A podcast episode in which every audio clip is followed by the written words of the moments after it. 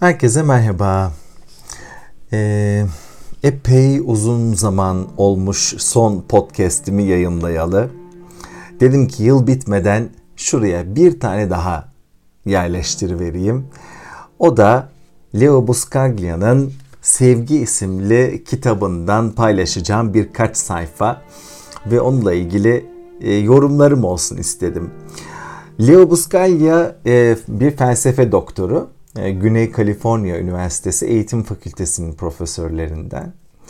E, elimdeki bu Sevgi adlı kitap e, onun vermiş olduğu Güney Kaliforniya Üniversitesi'nde vermiş olduğu sevgi üzerine bir kursta e, öğren, öğrencilerine anlattıkları ve onunla karşılıklı kurulan iletişimin e, özetini içeriyor aslında. E, Leo Buscaglia'nın hani yazım dili ne biraz e, eskide kalmış bir dil ama hani anlattıkları hiç değişmeyen şeyler. E, benim çok hoşuma gitmişti bu kitabı ilk okuduğumda. Sevgiyi o kadar çok yönlü bir şekilde ele alıp e, bizlere sunmuş ki böyle hap niteliğinde bu kitabın içerisinde. Bazı yerlerine bazen insan farklı bir e, bakış açısı getirme ihtiyacı hissediyor. Bazı yerlerinde hani e, bilgilerle e, tam böyle bir e, adaptasyon sağlayamayabiliyorsunuz. Ama genel olarak aslında anlatmaya çalıştığı özdeki ana fikre odaklandığınız zaman çok da rahatsız edici bir ayrılık çıkmıyor aslında ortaya. Ee, yaşamak, sevmek ve öğrenmek ve birbirimizi sevebilmek e, adlı e, diğer kitapları da hep Leon'un aslında sevgiye verdiği önem, e, hayata bağlanma, kişinin bu hayattaki varoluş şekli, e, sevgiden aldığı güç e, hep üzerine kurgulanmış. Belli ki hani çok kıymet vermiş. Baksanıza üniversitede bile e, bununla ilgili bir kurs e, açacak kadar e, hassasiyet duyuyor belli ki yani. Bu da benim çok hoşuma gidiyor açıkçası. Sevginin anlatımı her zaman çok ilgimi çekmiş olan bir şeydir. Kitabın ortalarından bir yerinden böyle hoşuma giden bir bölümü sizlerle okumak istiyorum. Ee, hatta okuyacağım bölümün yan tarafında kocaman harflerle aslında e, bir söz var. Önce onu okumak e, geldi içimden. Sevgi bir ayna gibidir. Bir kişiyi sevdiğinizde o kişi sizin aynanız, siz de onun aynası olursunuz. Bu aynalar bir diğerinizin sevgisini yansıtırken sizler de sonsuzluğu görürsünüz. Hani iki aynayı karşılıklı koyduğunuz zaman görüntüler sonsuz sayıda artar ya. İki sevgi buluştuğunda da sevgi sonsuzluğa varabilir. O kadar güzel bir anlatım ki ne kadar yalın e, böyle kısacık bir ifadede aslında sanki hayatın varoluşunu özetlemiş ya da bizim e, kapasitemizi, varoluşumuzun e, dayandığı noktayı, belki de bu hayatta en çok ulaşmaya çalıştığımız şeyi anlatıyor. Sevginin bir ayna olmasından bahsetmişken araya bir tabi e, dipnot eklemek istiyorum. E, Metta diye bir mobil uygulama var. E, benim sosyal hesaplarımdan belki dikkatinizi çekmiştir. E, telefonunuza indiriyorsunuz ve orada böyle pek çok e, meditasyon, ondan sonra uykuya yardımcı olan e, bir takım uygulamalar, bir takım anlatımlar çok kaliteli. Türkiye'nin başlıca seslendirmenlerinden biri tarafından seslendirilmiş. Çok çok keyifli, insana fayda sağlayan bu stresli, koşuşturmacalı yaşamın içerisinde biraz daha böyle bir hani şarj olabilmemize destek veren e, bir uygulama olduğuna inanıyorum Mette ve büyük bir gurur duyuyorum ki bu uygulamanın içerisinde bana da ayrılan bir bölüm var podcast e, bölümünde. E, podcast bölümünde iki tane serim var. Önce Louis Say'in Düşünce Gücüyle Tedavi ve Tüm Hastalıkların Zihinsel Nedenleri e, kitaplarından derlediğim bilgileri paylaştığım bir podcast serisi e, hazırlamıştım. Sonra e, ilişkiler üzerine yeni bir pod, e, podcast serisine başladım. Hatta ikincisi ne de az önce seslendirdim. E, bu ikincisi ilişkilerin aynasında kendini görmek adını taşıyor. Dilerim siz de indirir e, dinlersiniz ilk fırsatta. Tabi uygulamada bazı içerikler ücretli, bazı içerikler ücretsiz. Hani ücretli olan içeriklerde kişilerin emeklerin karşılığını bulabilmesi için sonuçta başka bir kazanım şekli yok. Yani hani uygulamanın deli e, emek var onun içerisinde. İçerikleri hazırlayanlar tarafından, seslendirenler tarafından, yazılımını hazırlayanlar ve sürekli geliştirmeye çalışanlar tarafından vesaire. E, çok da böyle yüksek meblalardan bahsetmiyoruz.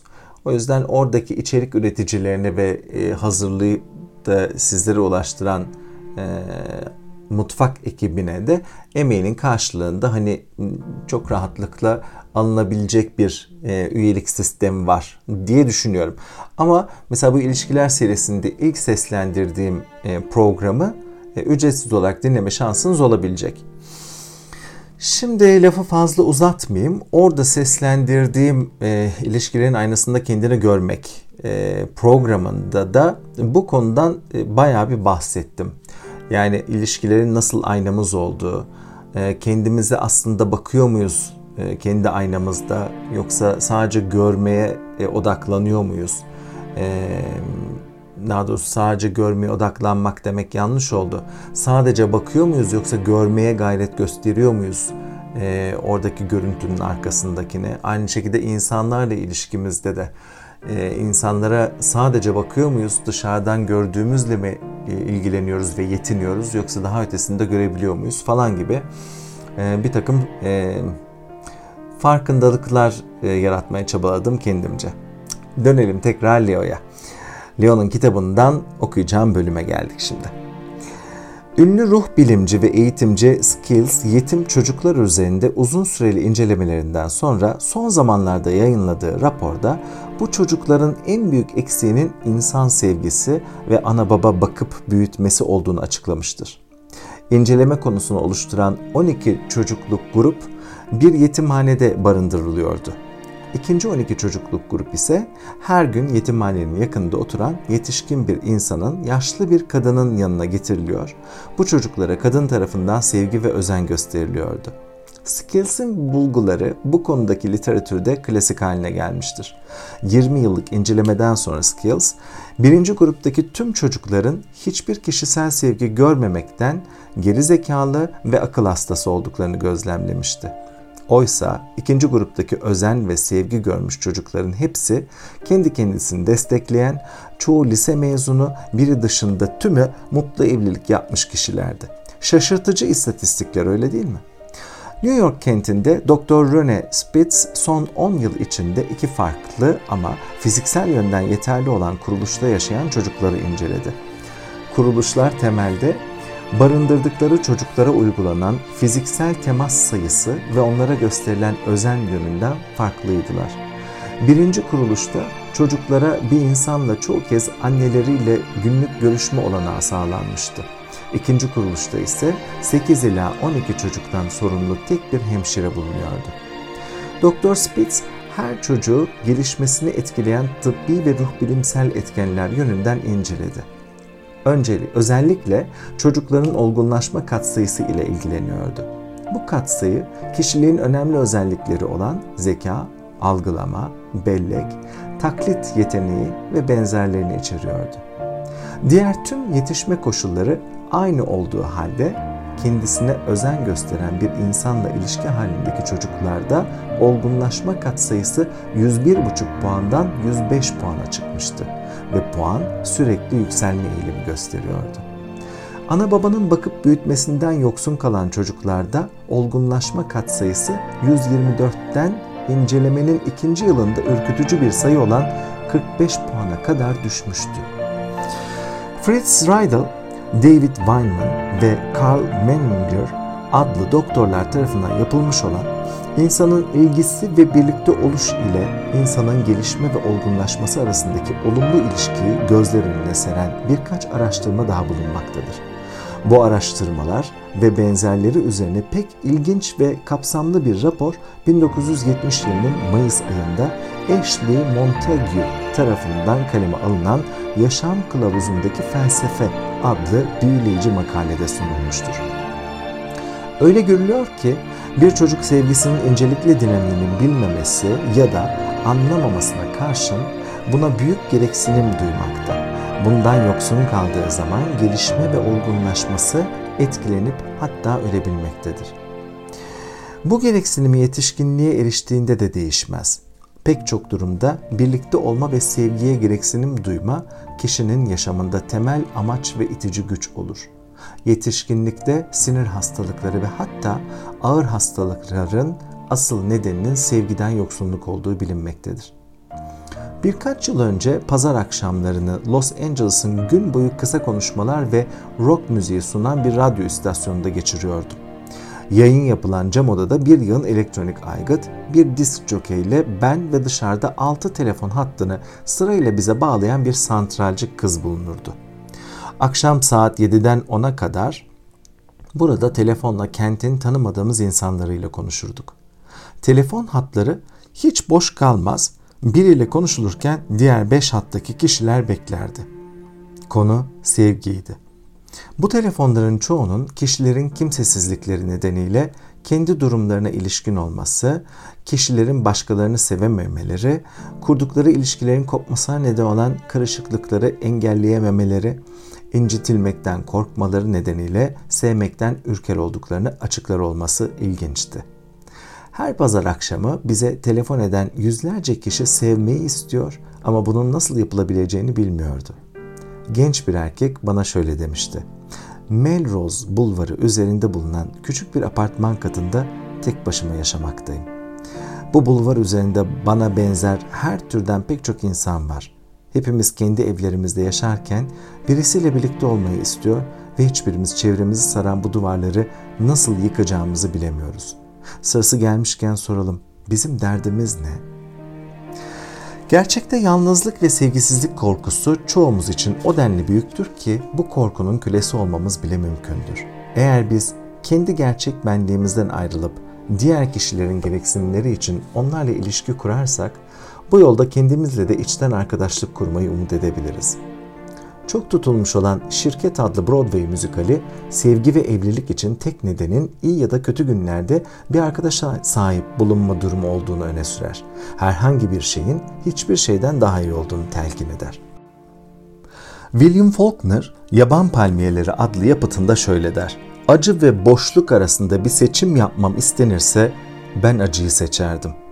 Pek çok kişi de böyle düşünür. Çocuk ana babasının sevgisini kazanmak için onların mantıklı olmayan bakıp büyütme şekillerine bile uyacaktır. Delikanlılıkta bir grubun üyesi olabilmek için kişi kendi kimliğini yitirecektir.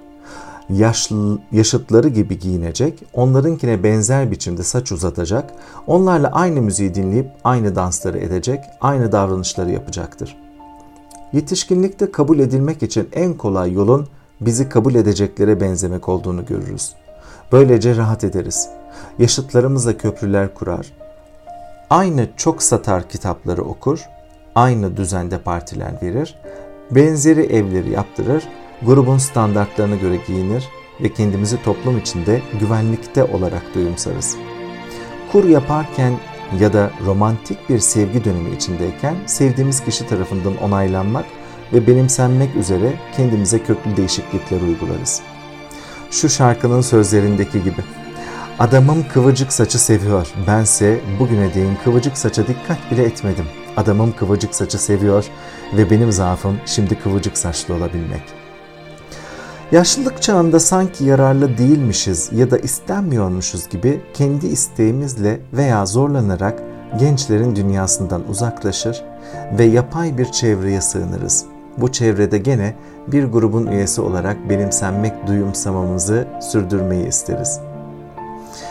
Nedenli yatsırsak yatsıyalım, yaşamımızın her aşamasında diğer insanlara doğru yakınlaştığımızı görürüz. Çocukken ana babalarımıza, delikanlıyken yaşıtlarımıza, genç yetişkinken olası cinsel eşlerimize, yetişkinken yaşımıza uygun topluluklara ve yaşlandığımızda emekliler toplumuna yaklaşırız. Bu böylece ölüme dek sürer. Başkalarına muhtacız. Sevmek ve onlar tarafından sevilmek için onlara muhtacız. Eğer bu sevgi olmazsa kuşkusuz yalnız bırakılmış bir bebek gibi büyümemiz, gelişmemiz ve olgunlaşmamız duracak, deliliği ve hatta ölümü seçmiş olacağız. Yani sevgisizliğin kişiyi ölüme kadar götüreceğini vurguluyor olması insana birazcık ağır geliyor, biraz acı geliyor ama e, hani bu ölüm aslında hayattan kopmak, coşkuyu yitirmek, artık mutlu olamamak, hiç yüzünün gülmemesi, hiç gözyaşının bile akmaması ise eğer evet sevgisizliğin götüreceği yer orası. Sevgi bizim o kadar aslında varoluşumuzun temelinde olmasına ihtiyaç duyduğumuz şey. Ee, yaratılışımıza belki en çok uyan şey o. Sevginin olmadığı yerde e, hayat işlemiyor bana göre de. Ama bu muhtaçlık kısmı galiba e, biraz yorumu açık. E, buradaki muhtaçlıktan hani başkalarına bağımlı olmalıyız. Onlar bizi severse ancak var olabiliriz'e e, bir atıf varsa hani bunu çok da içim kabul etmiyor. Ben bir başkasına bağımlı olduğum bir hayat sürmek istemem şahsen. E, çünkü sevebileceğim ve sevilebileceğim o kadar çok yer, o kadar çok ortam var ki ben kendimi eğer yeterince sevebilir ve onaylayabilirsem o zaman zaten dışarıdan gelecek olan bir şey benim açlığımı doyurmaz, sadece beni memnun eder. O yüzden hayatta sevgiyi paylaşmak bence en keyiflisi ve en güzeli. Çocuk yetiştirirken de çocuklara ne vermek lazım? Onlar için hangi e, tür kıyafetler, yiyecekler, eşyalar almak lazım? Onları hangi okullara götürmek lazım demek emin olun çok sonradan gelen bir e, lükse giriyor diyeceğim. Özde eğer çocuk sevgi dolu bir ortamda büyüyorsa bence zenginliklerin en büyüğünü zaten kazanıyor demektir. E, bu e, neden ilişkilerimizde olumsuz yaklaşımlarımız olur, neden kendimize benzer insanları aslında etrafımıza toplarız bunların hepsi başta da bahsettiğim Metto uygulamasındaki ilişkiler serisinde e, programdan programa işlediğim konular. Dilerim sizin de ilginizi çeker. Bu programı yılın sonunda, son haftasında e, kaydetmem itibariyle hemen dinleyecek olanlara diyeceğim ki yeni yılınız kutlu olsun. Diliyorum e, yeni yılda kendinize hep güzel eklemeler yaparsınız. Kendinizin güzel taraflarını keşfedersiniz daha fazla gelişebildiğiniz, daha fazla özgür hissedebildiğiniz, daha fazla mutlu olabildiğiniz, yaratıcılığınızı harekete geçirebildiğiniz, kendinizi sevgiyle ve güzellikle ifade edebildiğiniz ve tüm bunları da yaşamda bulabildiğiniz bir yıl olmasını diliyorum. Elbette ki sağlıkla. Hoşçakalın.